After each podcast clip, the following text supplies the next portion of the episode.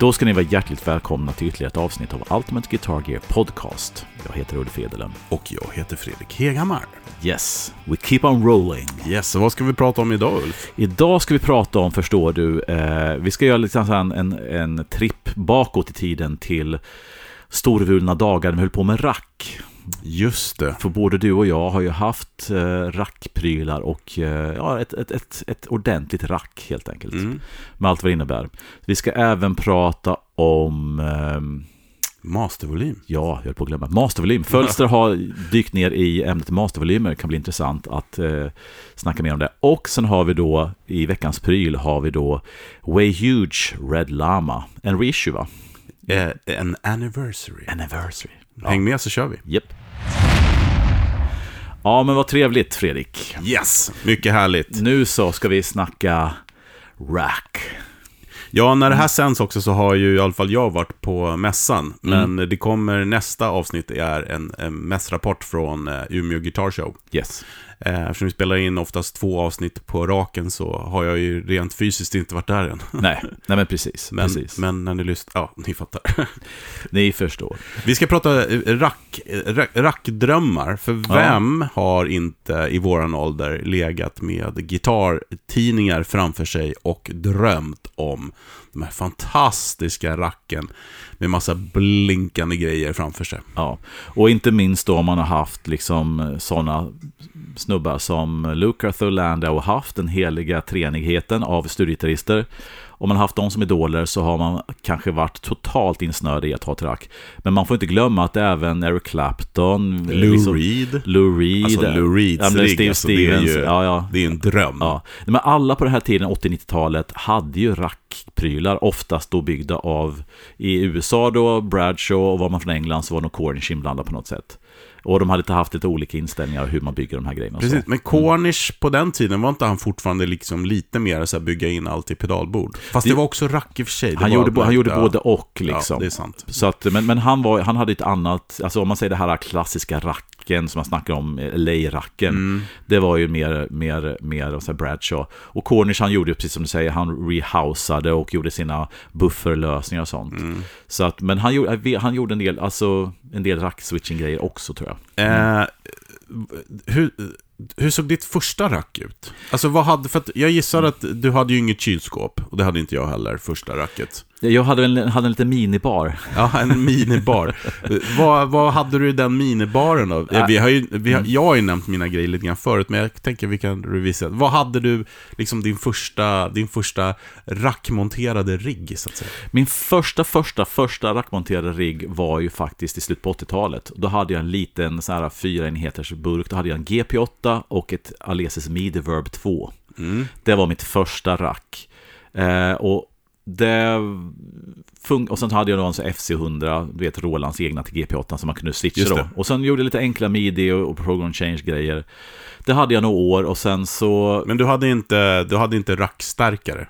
Nej, Nej. rackstärkare har jag faktiskt aldrig haft. Jag har varit där och nosat, men Ja. jag kom fram till ganska tidigt att jag tyckte inte det lät lika bra som gamla toppar. För sen ska jag också säga så att i början på 90-talet så slog ju grungen till och då försvann lite grann den här äh, grejen att ha rack på något sätt. Då skulle man ju tillbaka till gamla pedaler och gamla stärkare och sånt. Mm. Så att jag tror att jag ditchade mitt det här lilla racket och gick på pedalbord i början på 90-talet. där Ja, okej, så du hade inget mer däremellan? Där, just där, där hade jag lilla, lilla racket med Ja. två enheter, GP8 som centerpiece.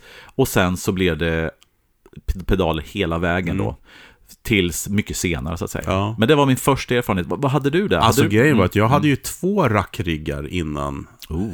Min första, jag var ju eh, djupt influerad av Kine Mariano har jag sagt förut. Så en shoutout till honom. Mm. Ja, Eh, denna gigant. Ja men verkligen. Eh, jo men min första rackrigg var ju en Ada MP1 Ja. Mm, och ett Midi Verb mm, 2.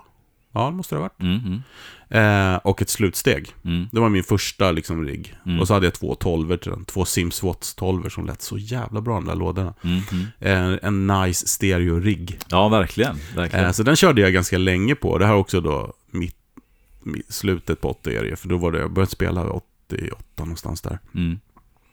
Men sen uppgraderade jag ju till eh, en eh, Mesa Buggy, kaliber 50 plus. rackmonterad. Aha, hade den rackmonterad? Jajamän. Ah, Rack cool. med eh, ett quadra reverb då. Mm. Och en Sonic Maximizer. Jag ska faktiskt ta tillbaka, det var inte ett midi-verb 2, det var ett quad-reverb jag hade ihop med min GP8 faktiskt. Okej. Så att det var den här lite senare med displayen och det här som man kunde Ja. jobba mer med. Nej men så det Mm. hade jag och så hade jag en ADA, ett, ett ADA midi-bord. Mm. En sån här avlångt med röda knappar på. Mm. Mm. Eh, det körde jag ganska länge på också. Eh, två 412 Mm. eh, Lät jäkligt bra. Mm. Den där buggen var... Ja, jag kommer ihåg när han, killen som kom och köpte den, han bara, men ska du verkligen sälja den här? Den låter så bra liksom. Ja, ja. Då hade jag, men då, precis som då, då skulle man ha staplar istället. Mm. Liksom. Mm. Det var så den tiden. Ja.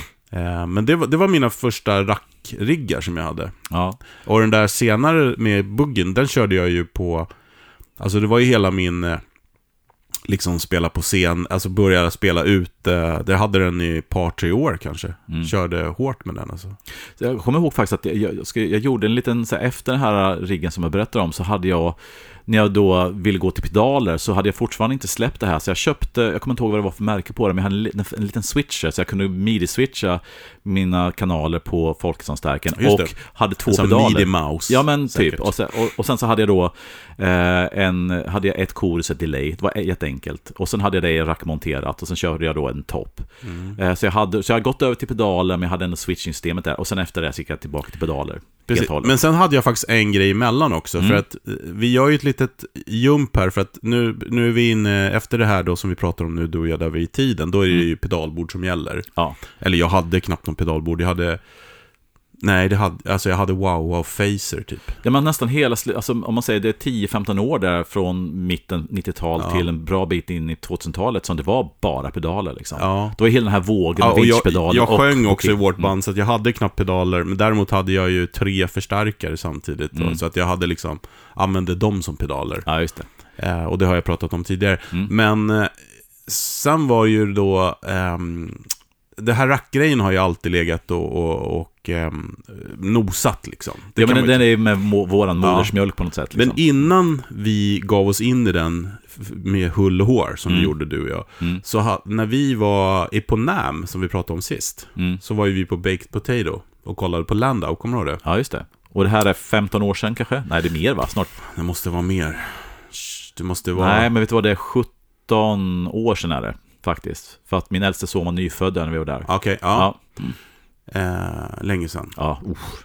Ja, Men han, ja. har, han hade ju en vä- väldigt speciell rackrigg för att han, mick, alltså han kör ju in gitarren i stärken och sen så med pedaler och sånt och såklart. Och sen så mickar han upp högtalarlå- sin egen högtalarlåda Yes. och skickar in i en mixer och sen Mm. skickar då till våta effekter Mm. och sen så högtalare till det. Ja, just det. Jag hade ju faktiskt en sån rigg, jag byggde ju en sån. Du gjorde det? Ja. Eh, jag tror aldrig du testade den. Nej.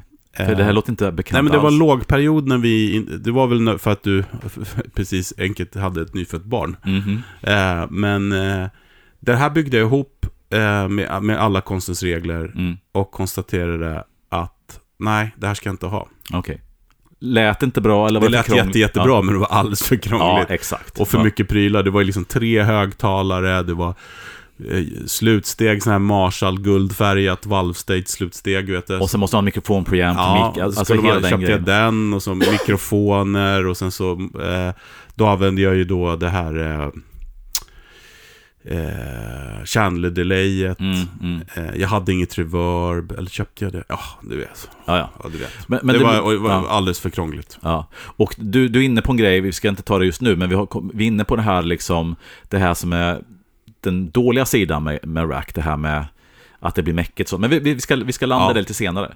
Okej, och men vad händer sen, sen så är det, sker våra, liksom det här åter, återgång, återtåget till Rack, sker det, jag kommer inte ihåg om det sker ungefär samtidigt. Jo, men det, det Mm. gör det. Fast jag, Mm. började, jag började lite tidigare faktiskt. Mm. Eh, för att eh, det här, jag vet inte om du ens kommer ihåg det här. Jag köpte ju alla delar för ett sånt, en sån rigg som jag sen köpte färdig.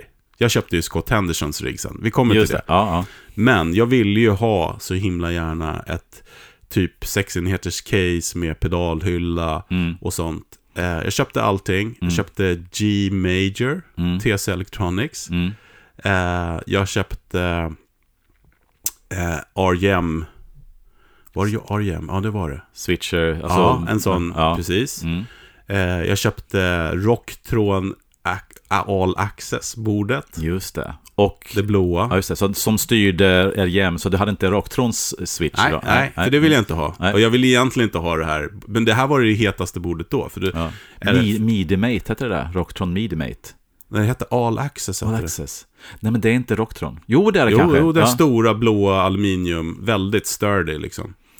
Jag Ah. kollade nämligen upp det. Ja, ja, det som gick ihop med deras. Bradshaw-licensgrej. För Bradshaw-grejer var ju liksom svårt att få tag på och kostade skitmycket pengar på den tiden. Mm. Ja, och Rocktron gjorde ju en variant där, ja. Exakt. Ja. Eh, och den var liksom stor och, och många knappar på. Mm. Eh, jag fick alla de här grejerna. Försökte en eftermiddag sätta ihop det. Packade ner allting i kartong igen. och sålde. Det här- alltså fy fan. Det här du berättar nu är ju den här... jag tror inte ens jag fick på Gmail, Nej, för jag nej. fattar inte ens hur den funkar. Och det, nej, helvete. Ja, det här, det här är det, det spåret du är inne på nu är kommer återkommande. Ja, men intressant. Och sen så efter det så, så fick du möjlighet att köpa Scott Hendersons gamla rigg. Men gjorde jag det innan du byggde din? Det gjorde jag va? Jag kommer... Nej, vet du vad? Jag tror att du hade väl den riggen efter... Jag kommer inte ihåg. Det var Nej. ungefär samma... För att jag kollade på... Jag byggde mitt ordentliga stora rack. Det gick all in. Om man kan se det. Det var måste jag säga. Ja, 2011 någonstans. Jag kommer inte ihåg när du hade ditt... Nej. Nej. Men vi kör ditt rack Ja, nu okej. tycker jag. Ja. För att det här var ju ungefär samtidigt. Ja. Och, Eh, och, för du bestämde dig att eh, det är nu eller aldrig. Ja.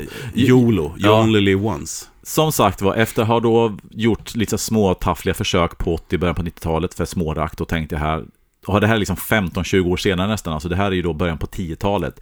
Så tänkte jag, okej, nu ska jag göra det. Nu ska jag liksom återuppleva mina gamla Lukather-drömmar här. Jag vill ha då ett, ett, inte så stort, men jag, jag tänkte så här 10 enheter, 10-12 enheters rack. Och jag ville ha då alla... Enheters kylskåp heter Ja, det. precis. Exakt. Och jag ville ha de coola grejerna. Jag, jag kommer inte kunna ta riktigt allt som Lando och Huff och Lukather hade, men jag, jag plockar liksom lite russina där.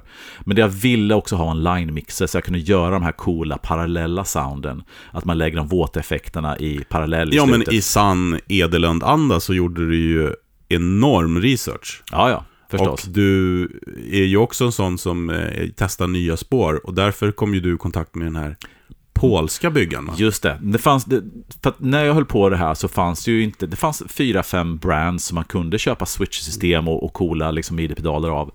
Men det dök upp en sån här, en polsk firma, jag vet inte hur vi kom, det kan vara genom vår hemsida, jag kommer inte ihåg riktigt hur vi kom, som heter Mark L. Ja, men får jag bara säga en sak? Ja. Eh, centralt i hela den här storyn är ju Huge Racks-forumet. Ja, ja. Ja. Det där ska man inte underskatta. Och jag menar, vi har ju haft de här uh, forumen och tidningarna som vi... Men Huge Racks, eh, som drev, drevs av en norsk kille, var ju en jättestor influens. Därför att där kunde man hitta information, man kunde hitta, få råd, man kunde få hjälp med allting. Eh, men Mark L gjorde då...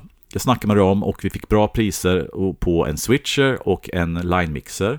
Jag tyckte inte riktigt deras stora midi-pedal funkar riktigt, så att den blev en annan grej. Men de... Visst, visst kommer de från Polen? Ja, Polen, Ja, ja. absolut. Så att switchen, en eh, 10 eller en 12 loop switcher med en line mixer, inte inbyggd men en separat line mixer, blev då centerpiecen. Men idén med det här var att jag ville ha alla de här bells and whistles, det här med att ha en line mixer, kunna koppla det wet dry wet eller true stereo eller hur man hur man ville liksom. Och sen så ville jag då naturligtvis ha ett 2290. TC Electronics gamla klassiska hittarätt och sen så kanske en H3000 har varit det coolaste men jag nöjde mig med att eh, hitta en Eclipse Eventide Eclipse. Ja. ja. Och mellan Eclipsen och, och eh, 2290 så kan man göra det mesta. Men... Men, Så att G-majorn tyckte jag var krånglig. Ja, ja. Ska vi inte prata om vi, ja, men den är, ja. Och sen hade jag då en rackhylla för att jag ville då kombinera alla coola analoga pedaler, framförallt fussar och eh, distorsionsburkar Ja. och sånt innan och sen köra 4 cable då med allting. Eh, och det här körde jag igång och naturligtvis hade jag inte kunnat göra detta utan Göran Lundqvist på Sound of Silence. Han var min, han var min Bradshaw genom det hela och vi stötte och blötte och idéer. Så vi byggde ihop det här. Eh, ganska snart kom jag fram till att 2290 låter bra men det är inte mitt typ av sound. Jag tyckte att den var för clean. Jag lutar mer åt lite mer åt analoga soundet. Så att vi satte ihop det här och så kom jag ganska snabbt till att fram till att nej, vi ditchar 2290. Vart är Chandler då istället då? Nej, utan Nej. då fick jag en till rackhylla. Så Ah. att jag köpte då ett timeline. Det var, Just det. Strymon var ganska så här, så att jag hade istället... då ja. Och jag tyckte då att timelinen passade, alltså Strymon timeline passade mitt sound betydligt bättre än vad 2290 gjorde. Just det. Jag, gick li, jag var lite så här, lite kättare där i, eh, på huge racks när jag Ja. liksom ditchade en rackburk mot en pedalhylla. Men det kändes mer rätt, men jag behöll Eclipsen då. Mm. För att de här gigantiska stora reverben och sånt som, som Eventide är så duktiga på, det vill jag ha liksom. Ja. Eh, För H9 fanns inte då va? oh, jag kommer inte ihåg, nej den kom 2013. Jag kommer inte ihåg när Ja, den kom. men den det- kom där i ja, krokarna. Ja, precis, Mm. precis. Men jag, jag vill ändå ha, jag vill inte gå, alltså jag vill ändå ha någon rackburk Mm. som, så att jag kunde säga att det var till rack. eh, och till detta hade jag då en Hermansson moddad eh, Nej. ha, Nej, först hade du faktiskt Quint Starkis gamla Ja, ja. Marshall. Så var det, ja. Marshall. Folk som Marshall eh, hade jag ihop med, om det jag hade då Wizarden som, som, som eh, en Wizard Metal-stärk som bara var då för, för eh, Och min kompis Diesel. just det, hade vi lite grann. Så körde, när du körde riktigt dry wet, Ja. wet. Fast när det, det, Eller wet dry wet menar jag. jag ska lägga upp en bild på, men när, när jag landar i det här med att ditcha 2290, då hade jag köpt den här eh, Henry, eh, Henrik då, Hermansson. Och sen hade jag då en Wizard som jag bara körde som en right, som en slav då till andra. Vaska, som, Ja, som precis. Andreas Rydman hade sagt. Och sen hade jag två stycken gamla original pinstripe-lådor, Marshall. Eh, jag, ska, ska lägga upp en bild på hela. Och den här Hermansson-starken, fyra kanaler var här för Fyra kanaler, ja precis. Och det var, det var, det var en high-watt PA-topp som Ja. han hade byggt om då alla de här Ja. rattarna till olika kanaler. Eh, och jag landade i detta och det lät gudomligt, men precis som du så var det så här, okej, ska jag sätta mig och programmera den här Eventide Eclipsen Mm. och Men jag tycker, Ja. du, jag tycker att Mm. du beskriver det här så enkelt. mm, För att eh, nu har du ju bara plockat pärlorna. ja, Vi får inte glömma power supplyen ja. som specialbeställdes. också Mark L, ja precis. Ja, och eh, midi-boxar, interface där, interface där och. En miljard meter kabel. Ja, och sen får man inte glömma att jag landade i den här Liquid Pro, tror jag den heter va? Eh, Midi-pedalen, som Just då det. var the shit då. Det var innan RGM och innan eh, Just det. Fractal Audio kom de här, med, med de här små displayerna under. Ja, Utan det var ju liksom, och, och hela idén också med det här gigantiska pedalbordet är att jag vill ha då de här instant access-switcharna uppe. Så att du har ett preset och sen så kan du då utan att gå in i menyer slå av och på effekten eller slå av och på looparna i det just hela. Just det. Vilket var en av de här grundgrejerna. Jag vill kunna ha presets, men i en låt skulle jag kunna bara slänga på en fuss som jag ville utan att gå in och missa solot för jag ska in i en meny. Mm. Och det är då får man ju med de här, med de här gamla stora pedalborden. Kommer du ihåg vad du hade för pedaler? Yes. Jag kommer ihåg faktiskt, jag har till och med bilder på dem. Men, men som du säger, det var ju då en Furman-burk som då stabiliserade allt där uppe och sen hade de Power Supply, glömde jag säga, från Mark L som då gav ström till alla pedaler. Ja.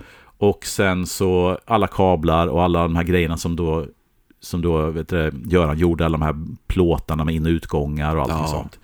Eh, men jag hade, jag, Ja, patchbase, precis. ja exakt. Alltså jag hade, jag hade två hyllor då när jag tog bort 290 och jag hade då en M9 Line 6. Ja, just det. Som skulle vara den här tanken att det skulle vara den här uh, do it all när jag behövde slänga in lite modulationsgrejer. Fantastisk pedal. Ja, så tänkte jag att ja, men då den, den är jättebra att ha. Den hade jag på en rackhylla för att då kunna slänga in tremolo, vibrat och allt det här som man ville ha då. Så man inte kunde ha plats med dedikerade pedaler.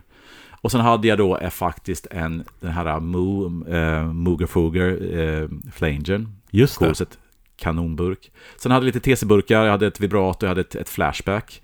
Ytterligare delay. Mm. Och sen hade jag då eh, den andra hyllan hade timeline på. Sen hade jag faktiskt en Voodoo Vibe. Och Har du sen- kvar den? Nej. Nej, den sålde jag. Ja. Och sen så hade jag naturligtvis en hotcake någonstans där. ja. Eh, hade, Sunface. nej, inte- i Nej, den här ringen nej, faktiskt. nej. Nej, Sunfacen plockade jag fram när jag, först när jag liksom gick tillbaka till Ja. pedaler. Och jag hade en fantastiskt cool face, den här Whetstone-facen. Men vad den? hade du för fuss då? Jag hade ing- jo, jag hade den här uh, Octavian. Den här som man kunde Ja, då... Chicago och Chicago Irons. Ja, precis. Så den, Och då, på den här eran så var jag inte jättefuss, men jag ville ändå ha en Octavia, så den hade ju Octavia som du kunde slå av Octavian på, eller fuss med Ja. Octavia. Så de pedalerna hade jag. Eh, och jag, jag ska inte gå i, bli för långrandig här, men det här lät bra och eh, tack vare liksom Görans expertis så fick vi ihop det brumfritt perfekt. Men det blev svintungt, jag kunde inte ta med det någonstans, det, var, det stod hemma Mm. och jag kunde inte programmera det. För den här switchen var jättemäckig, fanns ingen editor vad jag kommer ihåg. Eh, Eclipsen, hur mycket som helst, jag, jag, jag fattar inte någonting. Så efter att ha haft det här några månader och min frustration gick upp till en sån här kokpunkt så beslutade jag mig för att okej, nu har jag gjort det här, det var en fantastisk process, men det var ingenting för mig. Man skulle väl också kunna säga att du skulle egentligen ha, du, alltså, du skulle kunna ha köpt en bil för de där pengarna. Ja, ja, alltså... Det var inte gratis, men det Nej. var ju all in också. Det var all in och jag kände inte att jag gjorde någon kompromiss någonstans. Nej. Visst skulle man haft ett 20 enheters rack och trycka in dubbla PCM 42 och så vidare. Mm. Men det här var all in utan att bli löjligt. Det här var redan ganska löjligt, men det var ändå ordentligt. För den här eran där, Mm. fram till så här, vi, eh, vi spelar inte så mycket då. Nej. Bandet var ju lite vilande då, eller jag kommer ihåg i In alla fall. between, precis. Ja. sångare eller basister som Mm. vanligt. Mm, jag mm.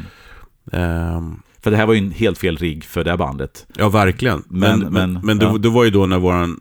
Och, och det är ganska, det är kännetecken, jag tror ni som lyssnar känner igen er, att mindre spelar, mer prylar. Ja. Alltså kommer du ihåg hur mycket grejer vi hade nere i den där lokalen? Då? Det Ja. var ju, alltså, bara min vägg var ju helt full med... ja. Ah, helt sjukt alltså. Men ta storyn om eh, ditt uh, Scott Henderson-bord här nu då. Eh, ja, jag vill gärna komma tillbaka till ditt bord Ja, igen ja. sen. Mm. Eh, för att eh, jag tycker det var spännande. Jag har mer frågor kring det. Ja. Men jag kan ta mitt. Jo, men eh, en av de här eh, bilderna eh, och videoserna. Mm. Det här var ju... Jo, men YouTube hade ju kommit då. Men framförallt bilder i tidningarna var ju Scott Hendersons fantastiska rigg. Mm.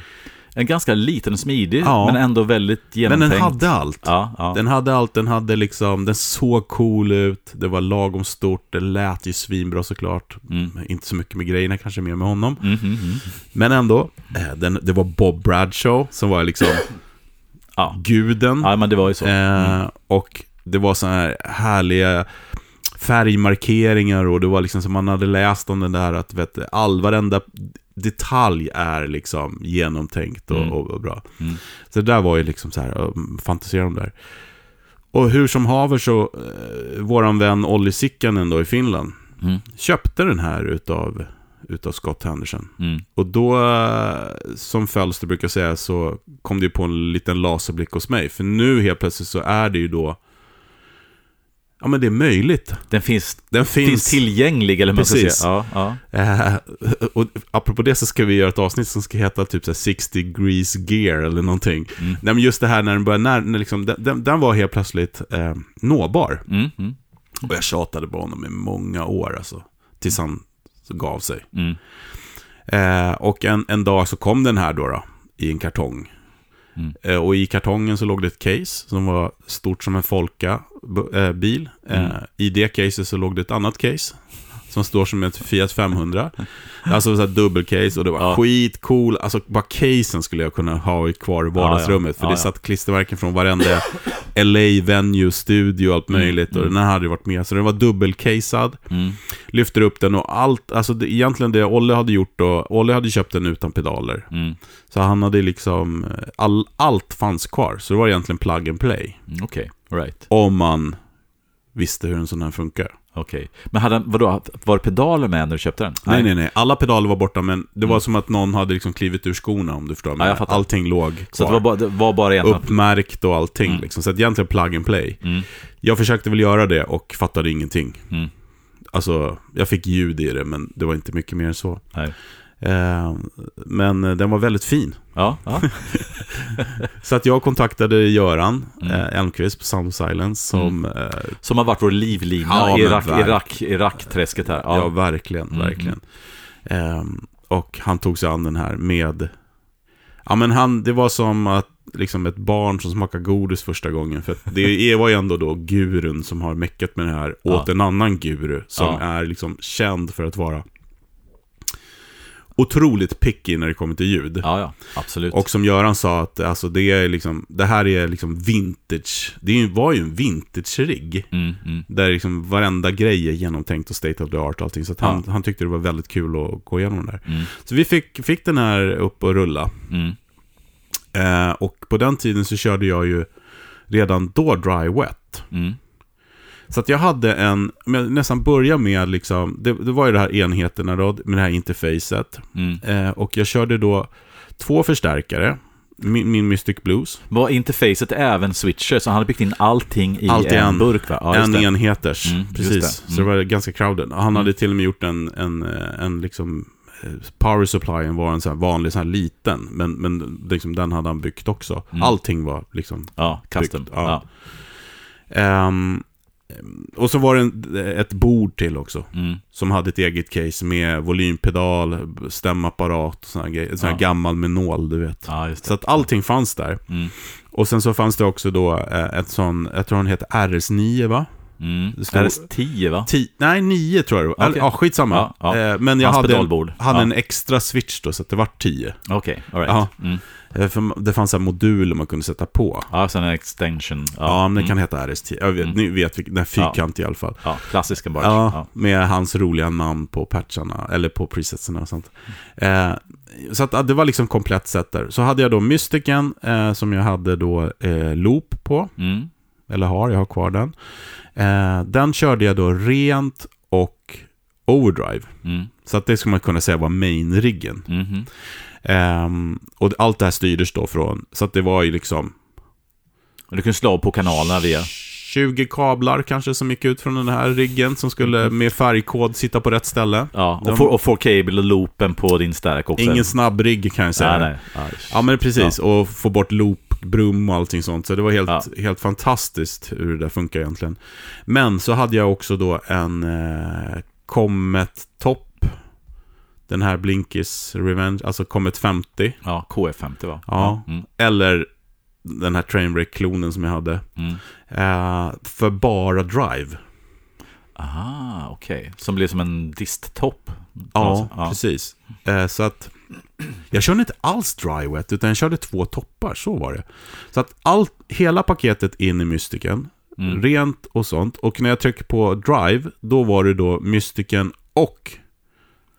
Så var dual mono egentligen, så det hade inget tänk Nej, om precis. att... exakt, Nej, mm. exakt.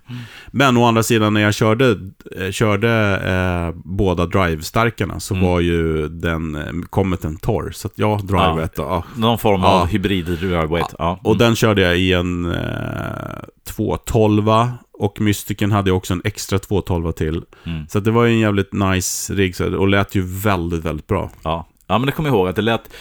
Det här Chandler-ekot, följde det med? Eh, nej, det köpte jag, precis. Ja. Mm. Eh, och det som satt i racket då, precis, förutom den här switchen då, var ju en, det fanns en plats för en rackenhet och sen var det en hylla med pedaler. Ja.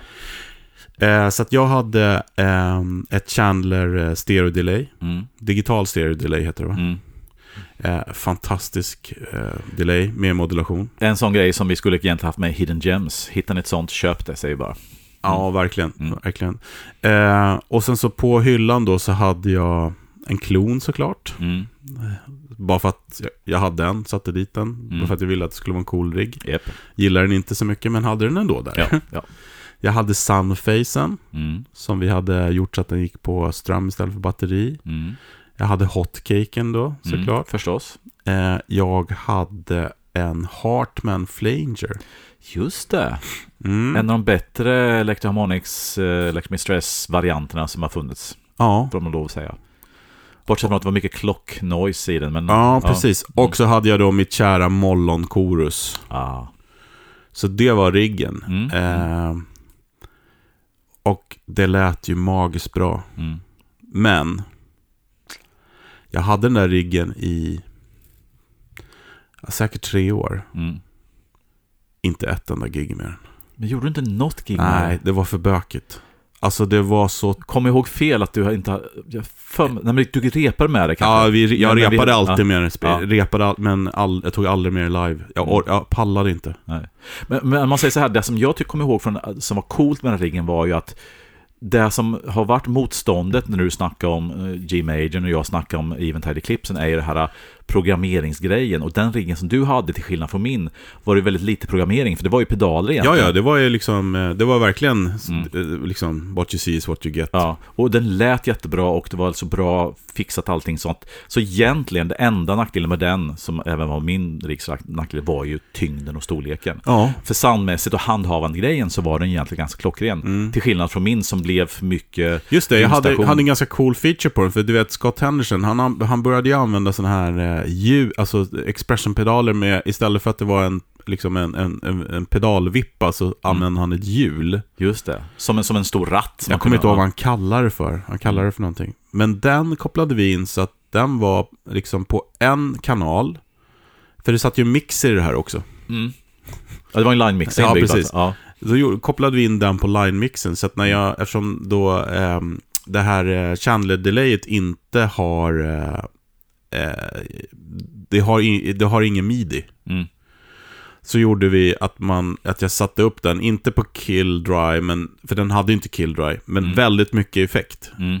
Och sen så backade jag det med det här hjulet. Just det, så, så hade du en sån effektnivå med hjulet. Ja, men, och så hade jag en switch där jag kunde välja mellan de här nivåerna. Aha, så, okay. det, så det vart ju som mer delay då när jag spelade solo och mm. mindre delay. Så det var ju väldigt smidigt. Smutt, lite en sån ja. workaround för, ja. Mm. Nej men, eh, och jag kommer ihåg att eh, ja, men vi höll på ganska mycket med det här och spela och våra, våra finska vänner, fan jag saknar dem. Alltså, vi hängde mm. rätt mycket på den tiden. Mm. Eh, med Sam och, och Olli och, och det där gänget. Och Ben och de här. Ja, ja. precis. Men, och Iggy, ja. som var liksom den mest sociala av alla de här. Mm. Jo men vi höll på att spela, jag och Iggy var det faktiskt, var mm. nere. Och sen så bara, fan det låter så jävla coolt med det här dry wet så här. Mm. Och då, då vet jag att i lokalen så var det ett annat band som repade, så att det fanns en, en Blues Junior. Mm. mm. Eh, så att jag tog, eh, jag bara, vi måste testa det på något Så jag tog Blues, Blues Union och mm. satte en Mad Professor Deep Delay-pedal som precis hade kommit då. Mm. Eh, och sen så min eh, Trainwreck Express-klon. Och så bara kopplade vi upp det så att, eh, så att, eh, att eh, du fick en våt... Ja, ja och vi ja. bara, det låter ju ännu bättre. Ja, just det. Så då var det så här, äh, det finns ingen anledning. Mm. Och sen dess så, så vart det att den där stod, den där riggen. Ja. Eh, och sen var det en kille i Göteborg som köpte hela via Göran. Eh, hoppas att han lyssnar och hoppas att du är glad med riggen, för det är ju, det är ju en historisk pi. Alltså, ja. det, ja, den ja. är ju legendarisk, ja. den där riggen. Man ska egentligen inte göra någonting med den utan använda den som den Nej, ser ut precis. är. Liksom. Eh, ja. Nästan så att den skulle stå på museet uppe i Umeå eh, faktiskt. Mm. Eh, nu har inte de några rackprylar där, men det kanske, om de ska ha något så ska de ha den. Ja, precis. Eh, något som inte tar så mycket plats men ändå är från den eran och väldigt... Eh, nej, men det, det, var en fantastisk rigg. Men, men det som hände lite grann med de här, eh, vilket var inte fallet i den här, för den här lät faktiskt lika bra som att stoppa rakt in. Mm. Det var, den var magiskt bra på så sätt. Men jag kommer ihåg våran kompis Niklas Sjöberg som mm. drev Airplay Studios. Mm.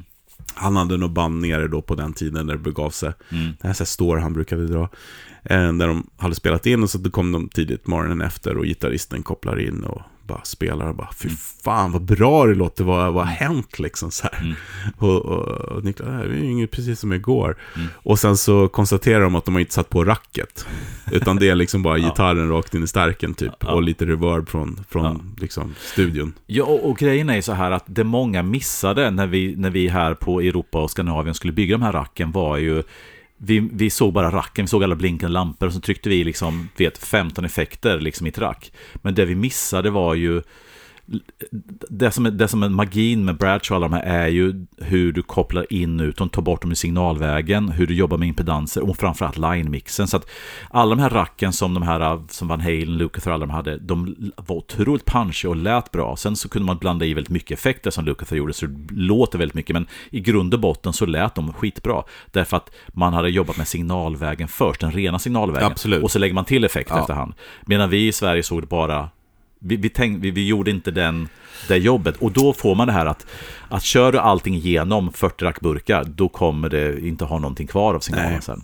Nej, men det, det, det var otroligt roligt att eh, kunna Eh, testa och, och ha äga den där riggen såklart. Eh, och eftersom den var komplett så kommer jag ju undan också med pris lite grann till skillnad från du. För att, alltså, för att börja från, från start som du gjorde. Ja. Alltså, eh, man, man glömmer lätt bort vad kablar kostar. Ja men grejen är, jag räknar ju på liksom, okej, okay, köpa in grejerna kostar si och så mycket och sen okej, okay, då har jag en kostnad och sen så... Och jobbet. ja, och sen tillkommer det några tusen för jobbet och resten. Men det visar sig att, att och, och det här är ju liksom, och, och menar, det är inget snack om det, det, det är timtal av, Oh ja, av att oh sätta ja. ihop det här. Och, och låter man någon som är så pass duktig som Göran göra det, så, så ska de ju naturligtvis ta betalt så som deras expertis anger. Liksom. Nu är inte det här jättelänge sedan heller, Mm. men det fa- fanns ju inga, inga webbinterface eller bluetooth-grejer för att gå in och ställa in, utan det var ju sitta och gå igenom alla de här menyerna och ja, ja, visst, visst. stänga av det, sätta på det och testa. Och... Ja. Nej, men det jag underskattade var just vad det kostade med allting runt omkring utöver själva huvudgrejerna så att säga. Men jag ska också säga att, att det låter ju som att vi, vi körde rack och sen så ditchade vi allt och sen gick vi till pedalbord och det här med rack var föregången. Men jag måste säga att jag lärde mig jätte... Allt det jag gör nu, vi snackade du och jag om att vi håller på med våra pedalbord nu som Ja. vi kommer snacka mer om. Vi ska inte liksom spoila för mycket.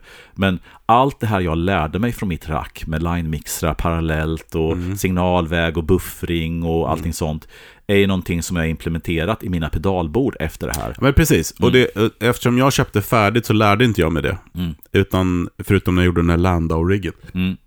Mm. Så att, men det är det jag har lärt mig nu med Pollyn. Och när Mm. jag sa- sagt i tidigare avsnitt att polybibon är man måste liksom bygga saker och ting. Så är det precis det man måste göra. Mm. Du måste lägga in en line mixer, du måste göra det där, du måste fixa studsarna där och hit och dit. Och då, Ja. då har man lärt sig jättemycket, som, Mm. som du lärde på bordet då.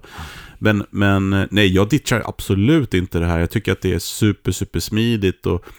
Eh, men då får man ju tänka att de här fantastiska burkarna idag som finns, Axifex, Kemper, de gör ju allt som den här gör. Ja, ja, visst. Och kolla då till exempel, inte minst både The Edge och eh, inte minst Metallica som framförallt The Edge då som alltid åkt med två gigantiska kylskåp och allting sånt. Han åker ju, hans Fly Regain XFX och och jag har förstått så kör ju Metallica, alla i Metallica kör ju XFX Ja. också. Så de, istället för att ha liksom Amprex, liksom som är fem kylskåp, så har de ett litet... 10 enheters Tio, rack ja. med, med fem stycken eller vad det är, sex eller, eller en spare kanske. Jag vet inte, alla tre kör ju. Ja, ja precis. Och, och det låter svinbra. Så att jag menar, så att det är ju, det är ju, det finns en smid, men det är också det här med rack, tycker jag inte, egentligen inte, det- folk säger att det är, det är gammaldags.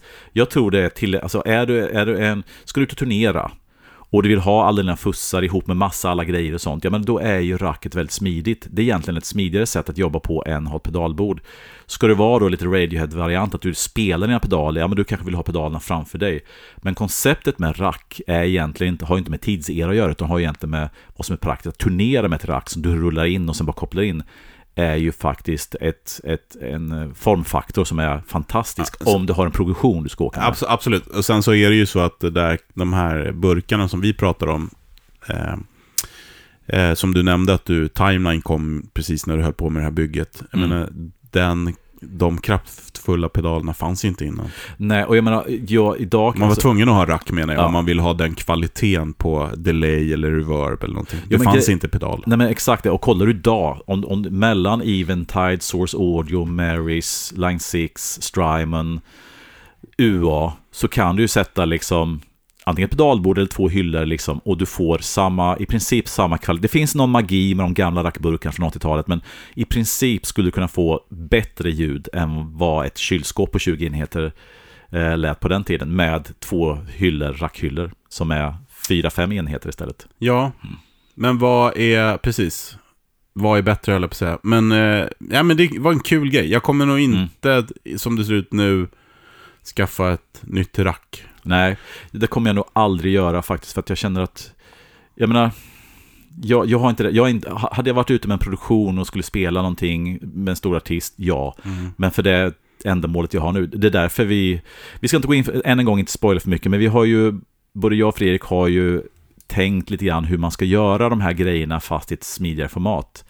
Och vi kommer till det så småningom. Ja, absolut. Mm. Eh, det sagt så, eh, just nu så håller jag på att mässa rätt mycket med en kompis som heter Petter som ska göra ett dry, nej, wet, dry, wet rigg. Oh. Som har köpt en G-major just. Ja, ja, och du ett slutsteg och ett midi-bord och sen två fy... Nej, Just det, jag, det var, jag, han skulle ha två 412 för wet. Mm. Och en, och en 412 mitten för torrt då. då. Riktigt old school. Ja, ja, men ja. precis när vi hade snackat så satt jag och kollade på, på Facebook tror jag det var. Dök det upp två stycken ehm, Carvin 212 Oh. Ja, precis. Det var liksom så här. Och han, vill ju, liksom? han vill ju ha en 80-talsrigg och Ja. de kostade nästan ingenting. Eh, så att det blir två Carvin 212 på sidan då. Som, Var det sådana filtklädda också? Nej. eh, nej, det var det inte. Utan Nej. det var vinyl, svarta, alltså Mm. Det kan inte bli mer 80-tal. Nej, nej, det blir helt hur bra som helst. Snacka om ett 80-talsbrand. Ja. Som jag också upptäckte via de här tidningarna. Ja, Ja, coolt. Nej, alltså bra det- gitarrer för det. Ja, Nej, men Ra- Rack-äventyret var både frustrerande och otroligt lärorikt som jag har, som jag sa innan, tagit med mig Mm. mycket från faktiskt. Verkligen. Eh, Sen var det ju det tråkiga för dig, som var roligare för mig, eftersom jag sålde hela riggen Mm. utan pedaler då. Men du fick ju hacka upp din. Ja. Och det var ju sorgöga, tycker jag, som stod och såg på. För att det där eh, stod där som en krigsskadad byggnad ett tag, när det försvann en del då och då. Ja, och jag ska säga så här också att eh, en liten sån här tjuvshout. Jag har fortfarande kvar det här racket, Wenworks rack. Och jag har fortfarande kvar massa rackhyllor, jag har fortfarande kvar power supply och sånt. Så är det någon här ute som lyssnar på detta, som är i, fa i, i farten att göra bra. ett rack eller någonting sånt, så har jag lite prylar kvar. Så att hör av er så Mm. kan vi se om vi kan hitta på något. Kul projekt. Ja men va, verkligen. En annan grej som var väldigt eh, förekommande då när de här ragg, raggarna, att säga. Rack, Rackarna hade sin storhetstid var ju mastervolym. Mm. Och det kommer det mer om här. Yeah.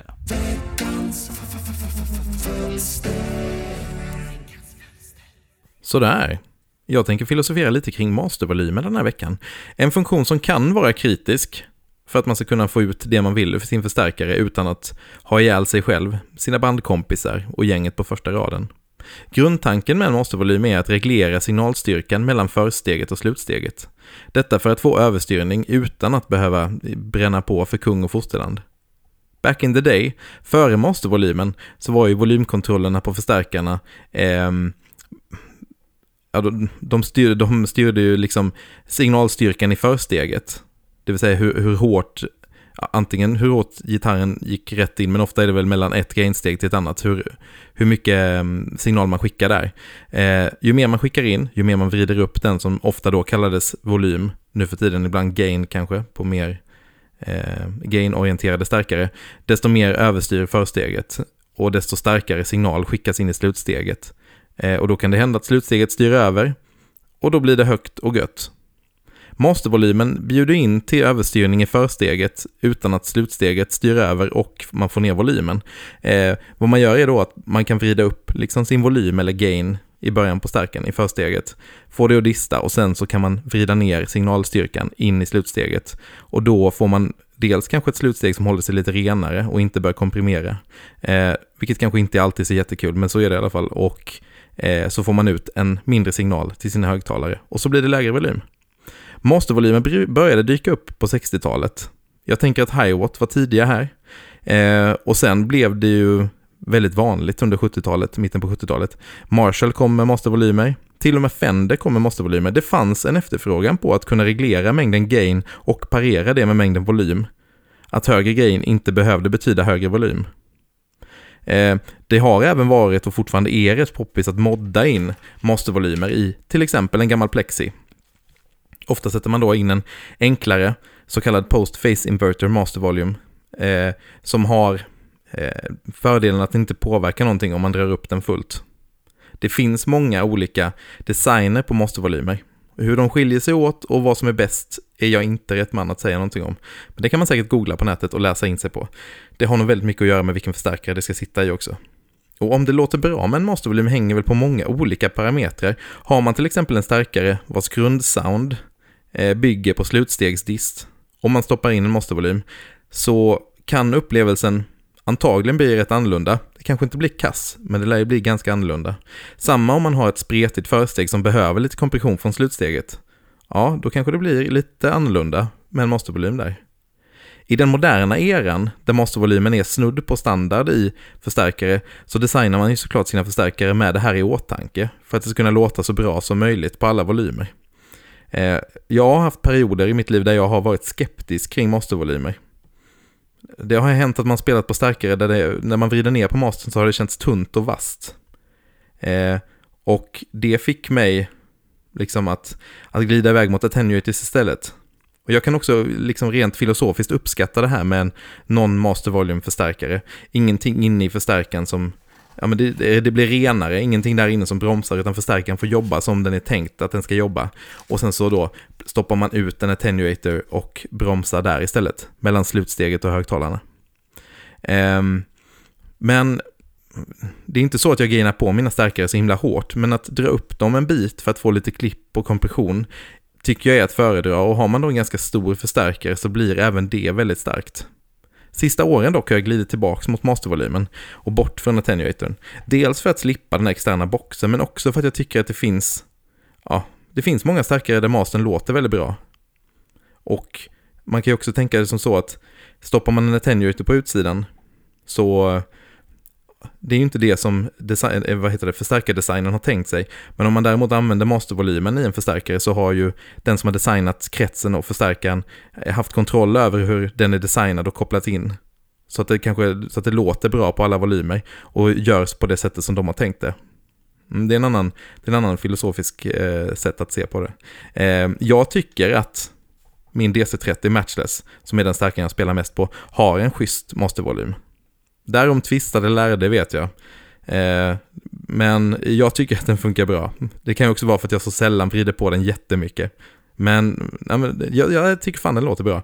Eh, men ska jag tänka tillbaka på så här när jag tyckte att mastervolymen var helt strålande så eh, en grej som jag direkt tänker på är en Friedman jag hade, en Dirty Shirley Mini.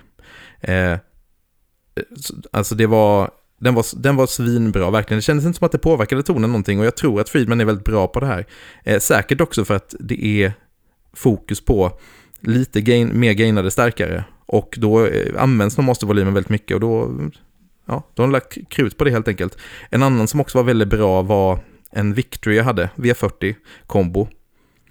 Så man kunde få lite så här tweedig om man eh, körde en sån här mid-push och hade, det var, fanns två voicings, ena voicingen var lite tweedigare. Eh, vred man upp där lite, då blev det också rätt starkt och då ville man dra ner mastern och den kändes aldrig heller som att den liksom gjorde det livlöst eller att man förlorade massa botten och att det blev vasst. Det var väldigt bra. Det är moderna förstärkare helt enkelt, med moderna designer.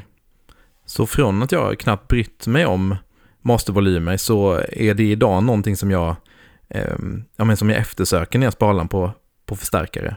Jag vill jättegärna ha det i förstärkare nu. Jag vill inte koppla in något externt. Jag vill ha en bra designad mastervolym i en relativt modern stärkare.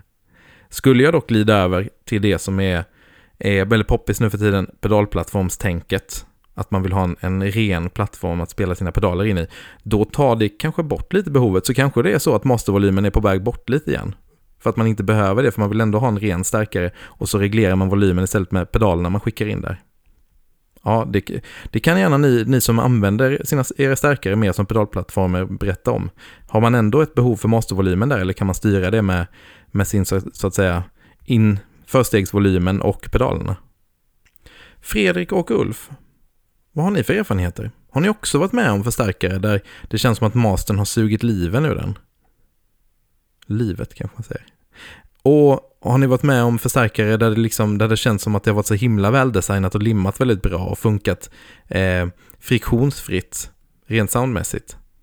Har ni moddat in mastervolymer inom förstärkare någon gång?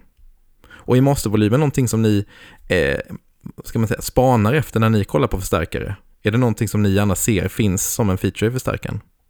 Ja, berätta. Det här vill jag, det här vill jag höra mer om. Och samma med ni som lyssnar. Har ni moddat in mastervolymer i någon gammal plexi någon gång? Och hur blev det? Och är det någonting som ni efterfrågar i när ni kollar på förstärkare? Eller kör ni pedalplattformstänket och finns det då ett behov för mastervolymer i pedalplattformar? Ja, det kan bli spännande. Vi hörs väl på sociala medier, Facebook, Instagram, YouTube och Podbean. Och så hörs vi nästa vecka, som vanligt såklart. Ha det gott på er, hej! Ja, Fredrik Fölster, mastervolym, också ett roligt ämne, måste jag säga. Ja, Och där har vi lite grann som vi snackade om rack här, vi har gått lite fram och tillbaka. Eh, Ska jag börja lite grann och prata hur jag har sett på det hela, eller vill du? ja men det är lite love to hate you, tänkte Mm, jag först. Mm. Men Fölster frågar ju två grejer, just det här med våra erfarenheter av mastervolym och sen också om vi tittar efter en förstärkare med mastervolym. Mm, mm, Eh, och jag kan bara säga att jag personligen, eh, där jag är idag, Mm. letar aldrig efter en förstärkare med mastervolym. Nej, Om den har det och Mm. låter bra, det må så vara, men det är inget option. nej. Däremot, back in the days när jag spelade med starkardist, då Mm. var det ju ett måste. Ja, ja, förstås. förstås. Ja. Nej, men, och, och jag tror också lite grann vad det är för typ av förstärkare man letar efter. Jag menar, eh, jag har också gått i omgångar. Alltså, när jag började, liksom, och då hade folk som moddar och sånt, så var ju väldigt mycket av soundet i preampen. Liksom. Och det, alltså, ha fler kanaler så går det inte att ha en stärk utan att ha mastervolym. Så att ska du ha lite mer high gain eller där en stärk som gör det mesta ljudet i preampen och som bara förstär, använder att bara förstärka det, så är en mastervolym ett måste. Sen så, så har man ju varit inne i vintage-träsket mer och men en gammal plexi eller en gammal blackface där, där du har lite mer en organiskt förhållande mellan preamp och slutsteg. Liksom du kan, alltså, du behöver slut, slutsteget är en stor del av soundet. Där, Ja, där funkar inte Master Volym riktigt, riktigt lika bra tycker jag.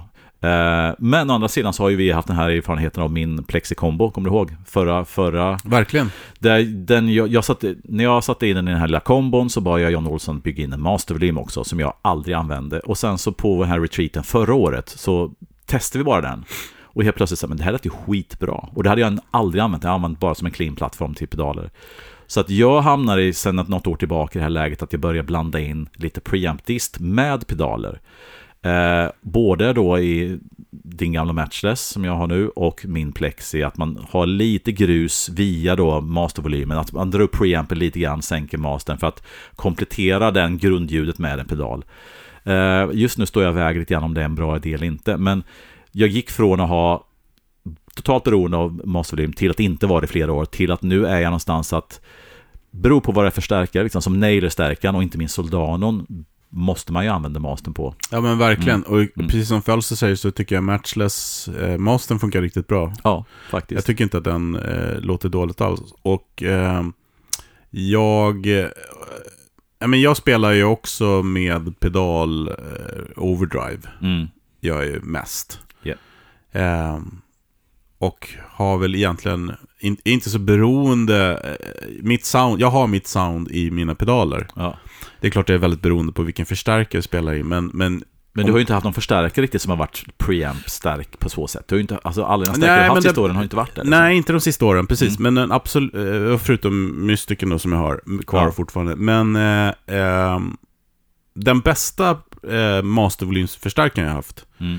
är, eh, var ju den här eh, Metroplexen från eh, Ja, just Metropolis. Det, just det. Eh, och han säljer ju också masterkretsar ju, Mm, vet jag. Och loopar och sånt. Eh, riktigt bra för de, den stilen. Eh, men om jag måste välja mellan mastervolym och attenuator så väljer jag mastervolym alla dagar i veckan. Ja, för vi hade ju ett avsnitt om det och jag gjorde ett experiment. Jag, vi hade faktiskt en av de bästa som finns på marknaden, vilket är den här Fryette Power Station. Ja. Som fantastisk produkt och den har ju ett inbyggt slutsteg så man kan ju då få när man använder den till en gammal plexi kan man ju få liksom en, bygg, en inbyggd loop då, vilket en, en plexi inte har. Så man skulle, den är ju väldigt smart på alla sätt. Men när jag gjorde de här A och B-jämförelserna så mellan då sätta samma volym och samma gain-nivå med master och sen så dra upp den och sen så använda då attenuatorn. Så kom jag fram till att visst var det lite skillnad, det fanns något som kanske var lite, lite mer organiskt med attenuator.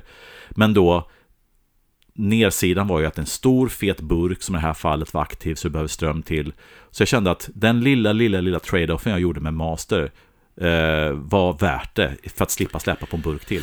Ja, så precis. att, så jag- jag, tyckte det ändå funkar bra liksom. Ja, men absolut. Och jag tycker ju... Eh, jag gillar inte attenuator sound. Eh, och det är bara för att när en, en starkare som inte har mastervolym eller en starkare som har, ja, den kan ha mastervolym, men en Mm. starkare som distar i slutsteget då bara. Mm. Det blir ju ganska grovt oftast. Mm. Eh, och det är inte, alltså jag gillar det, men då måste det limma ihop med volym. Ja. Förstår du vad jag menar? Jo, och... och- det där grova, när det kommer på låg volym, det, det är ingenting jag går igång på, alltså alls. Nej, och då kommer inte, det har vi snackat om så många gånger, det här med attenuated, att, därför att att, sänk, att, att kunna få en stärkare gå på järnet så man får slutstegsdist är bara halva grejen. För att när man, när man tänker åh, nu slut, distar slutsteget och man inte har en attenuator så har det också med hur högtalare komprimerar och hur volymen bidrar till den här kompressionen. Verkligen. Och, den, och det tappar man ju med en attenuator. Så att jag märkte att, alltså det är som en mastervolym, om du kan dra på en mastervolymstärk så att slutsteget börjar jobba lite grann, ja men då börjar det limma precis på samma sätt som en attenuator låter bättre när man inte sänker för mycket. Ja. Så volymkomponenten är ju superviktig oavsett om den är en attenuator eller mastervolym. Precis. Eh, då i sådana fall att föredra någon form av amp-simulering också mellan och reamping. Ja. Skulle, för mig i alla fall, för att den där kompressionen du får på hög volym som limmar ihop, alltså en tweed-stärkare till exempel, vi kan ta det som exempel, som Mm. är ganska grov i sin eh, overdrive. Mm, Låter ganska trasigt, mm. men på volym så sjunger den ju som en gud. Ja, för då får du liksom då får du liksom en komponent med högtalaren som jobbar med och sin, som i sin tur komprimerar och slätar ut de här... Ja, så men det kan jag tycka är lite olyckligt ibland när man Mm. tittar på en video när någon demar en, en tweed-förstärkare. De bara, "Åh, låter så jävla fantastiskt bara. Ja, Fast det låter ganska dåligt. Alltså, tycker jag. Det, Ja, ja. det som jag hör. Ja. Men jag förstår att det låter bra i rummet. För att du upplever volymen som limmar precis. ihop det. Men det har du närmickat så att man tappar den andra grejen. Och sen så såklart i en bandmix är det en annan Ja, grej. ja, men precis, precis. Nej, men för att, nej, jag, jag ska inte säga att jag letar efter mastervolymer, men en bra master, för grejen är så att en bra mastervolym, det kan göra så, dra, du, då drar du ju liksom bara upp mastern på järnet och sen så använder du gainen som en vanlig volym. Alltså du kan ju få den ur signalvägen. Ja. Så att jag tycker, för mig är det bättre att ha en master än inte ha det, för att vill jag kunna använda den så kan jag det. Sen än en gång beror det helt och hållet på vad det är för typ av stark. Har du en stark med ganska mycket gain i försteget, ja men då är det nog bra att ha en master, så du kan göra som du vill så att säga. Om man säger så här, jag har aldrig modifierat en förstärkare till master, men jag har modifierat väldigt många stärkare med master. Mm. Att ta bort dem. Ja, just det. Och jag har ju gått mot... Jag, jag, nu gjorde vi en så här, vi borrade inte något hål till min plex, utan satte en ingång och så här, så att jag kan ta bort den här mastervolymen på min plex när jag vill. Men ibland... Ja, men, men där, jag tycker den låter jättebra, så det Ja. fyller jättebra syfte. Och egentligen inte rätt stark att ha mastervolym på därför att det har inte så mycket gain i preampen. Men om man kunde få upp dem på en nivå där man, ungefär som man använder en bra attenuator, bara att ta ner några dB liksom, Mm. så funkar en master Mm. faktiskt lika bra där. Nej, precis. Jag tycker att när man börjar närma sig mera typ så här JSM 800-territoriet, eller Mm. José-mod-grejen, då vill Mm. man ju ha master. Ja men absolut. Eh, såklart. Eh, för då, men det är en helt annan grej. Ja men då, då lutar ju hela gain-konceptet mot preampen liksom på något Mm. sätt. Och high, och high gains, moderna stärkare är, ju- är ju allt preampen liksom. Ja. Nej, jag tycker nog mastervolymer är bra. Jag tycker det är Jag bättre tycker också att ha än det, inte ha i, i rätt sammanhang. Ja. Allt är bra i rätt sammanhang. Ja, ja. Förstås. I förstås. lagom blandning. Ja, bra. Även en attenuator. Yeah. Ja, men faktiskt. Ja. Ja. Men du, Men- eh, nu, jag pratar lite om det här grova och eh, ljud som behöver lite volym. Eh, Mm. Vi ska dyka in i det för att här kommer veckans pryl. Yes. Veckans pryl. Alright, veckans Yeah. pryl. Yes. Men veckans pryl har vi fått låna av eh, Fölster. Mm. Eh, och det här var ju en, eh, en pedal som eh, vi hade med på vårt retreat sist. Fast inte just den här va? Det var någon variant på Nej, den. det var va? den här. Var den här? Ja, det var, var det inte den här? Nej, det var väl en, en, en klon på den va? Var det inte så? Ah, det är sant. Han köpte den här efter. Ja. Ja, skitsamma. Ja. Det är en Red Lama. Ja. Eh. Way huge. Way Huge Red Lama, designad av George Tripp. Vad har Ja. vi på George Tripp då? Jo, han startade ju Way Huge då 92 Mm. och drev det fram till 99. Eh, sen började han jobba på Line 6. Just det, och låg bakom många av de här coola pedalerna va? Verkligen. Som de här äh, mindre pedalerna, eller var han inblandad i DL4 också kanske? ja. Ja. Eh, alla de där, eh, de där eh, pedalerna helt enkelt. ja. Och, eh, men han startade igång igen 2012. Mm. Eh, och den här pedalen som vi har då är ju då en 25-års jubileumsvariant. Mm. Eh, och det är nämligen så att eh, den skiljer sig lite då från grunden hade bara två stycken rattar, eh, volym och drive. Men på den här så finns det också en high cut. Och det var någonting som lades till i och för sig innan 25-årsjubileet, men runt 2017 kom den. Mm. Eh, och George Tripp nu då, ska man väl säga, han jobbar ju på Dunlop nu. Jaha, just det. Och han ligger bakom de här, äh, många av de nya coola pedalerna va? Ja, Som kom, de har kommit Ja men med. verkligen, Ja. verkligen. Eh, j- jag tror till och med hans claim to fame är väl... Eh, Carbon copy, Ja, exakt, Ja. exakt. Ja men han är ett geni. Mm. Eh, har varit med hur länge som helst. Eh, men den här Way Huge då har ju använts av ganska många artister. Kanske är den mest känd när den sitter ihop med sin kusin Green Rhino Overdrive. Ah, I ett koncept som kallas, kallas då för Camel Toe. all right. Ja, alltså två pedaler i ett. Yes. Eh, som används då flitigt av Mike Campbell och eh, vad heter han, den andra gitarristen där. Har inte Lando använt en del uh, Way Huge-pedaler också? Jag men kanske inte Red Lama nej, då? men många använder de där, och Aquapus heter de va? Just det. Eh, eh, Analog liknande delay. Nej, tror- ja, är, inte, är det inte Chorus? Nej? Ah, skit, ah, Ja, skitsamma. Aquapus är något delay tror jag. Ja, det är det. det. Du har rätt. Du har rätt. Eh, jag vet att eh, Joe Massa använder väl någon chorus som är på hela tiden, lite grann sin rigg också, för att bara få lite rörelse i hela ljudet. Mm. Eh, men eh, den här är ju då, det är en overdrive-pedal, men med fusskvaliteter, skulle man kunna säga. Ja, alltså jag skulle säga att... När jag, Tweed-style. ja, precis. När jag lyssnar och spelar på den så tycker jag att den helt klart drar mer åt fuss än vad jag skulle säga overdrive. Men, men eh, ni får ju lyssna själva lite grann här vad ni tycker. Ja, men precis. Vi ska testa den här lite grann. Vi Mm. har eh, tysk-telen.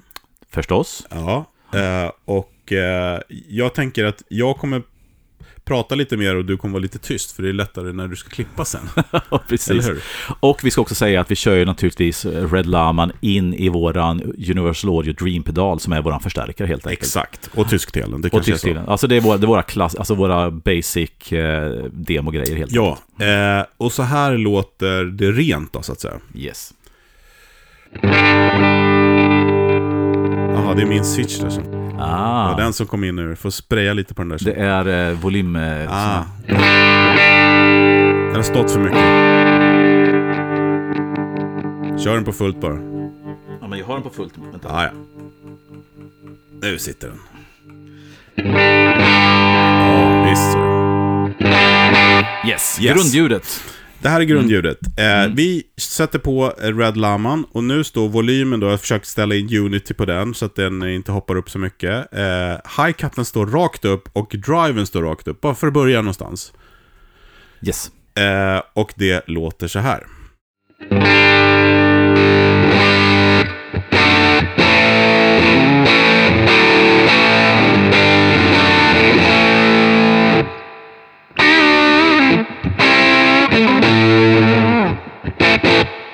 Väldigt trevligt tycker jag. Mm. Eh, Den här, som sagt var, vi har ju testat den här på eh, hög volym i rummet och det Ja. är ju väldigt bra.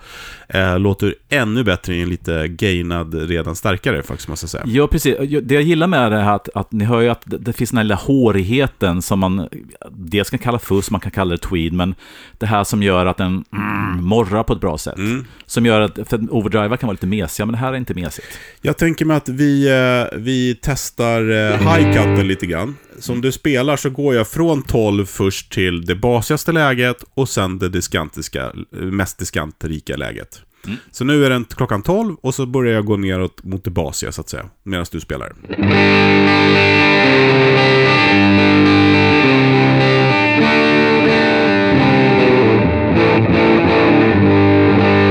är det mest basiga helt enkelt.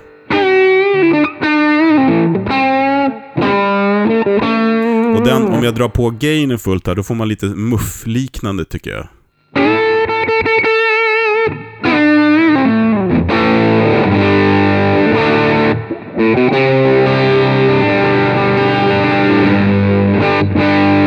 Okej, jag går tillbaks till klockan 12. Nu är vi här igen, klockan 12. Nu, nu kommer jag gå upp till det mest diskantiga läget då.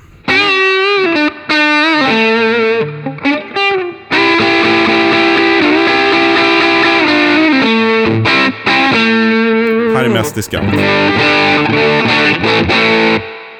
Dra upp den också till full gain.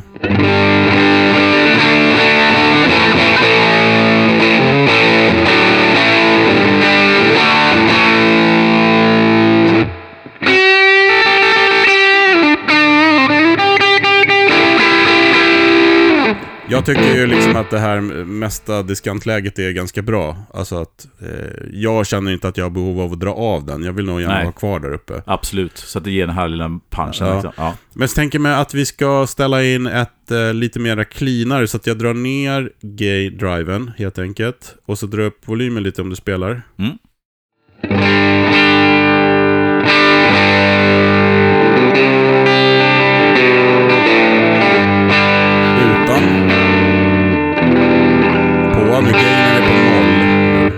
Gainen på noll.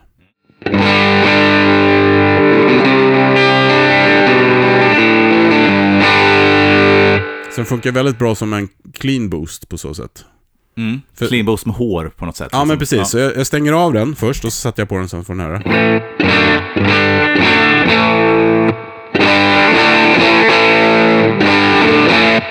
nära. Det är coolt, för den lyfter midden lite grann också så. Precis. Och sen om du drar upp gainen så kommer tjockheten, kommer, man ska Ja. se det, kommer in igen. Precis. Vi kör då.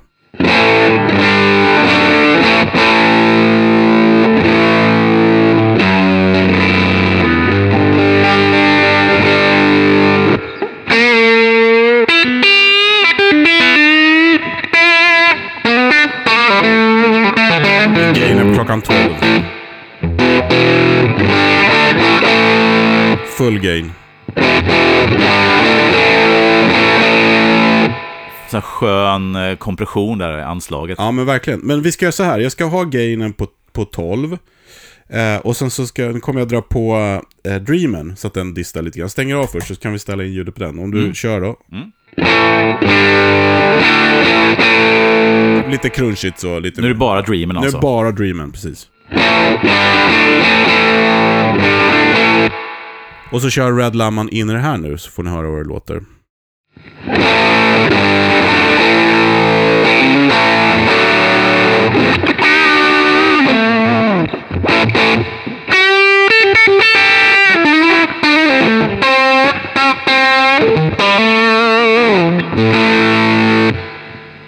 Coolt. Ja, men det, så att den, den funkar väldigt bra också när det är liksom gain på starken så att säga. Mm.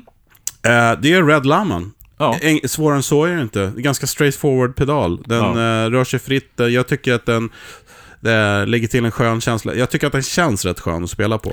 Absolut. Och, och Komprimerar skönt. när jag hörde liksom att Fölse sa att ja, det här är en overdrive så kände jag att den här har mycket, mycket mer gemensamt med de fussarna som jag tycker låter bra. Men som du säger, när du sänker gainen på den så har du ju lite grann håriga overdrive-kvaliteter som en del fussar inte har när man Mm. sänker gainen. Så att det som är coolt med den är att den har ett väldigt brett spektrum som vi lyssnar på nu. Både med en stärk som puttrar eller en ren stärk. Liksom. Vi ska göra en sista grej. Mm. Eh, vi ska kolla rena ljudet på Dreamen igen. Och så Mm. ska du dra ner på gitarren se hur den cleanar upp. Eh, Yes. Så att nu är Dreamen ren då först. Ja.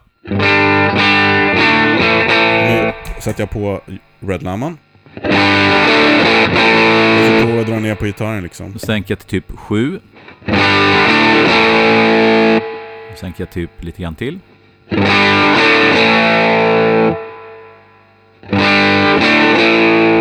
Ja, sådär. Cleanar väl lite. Ja, men det gör den väl. Nu stänger jag av den.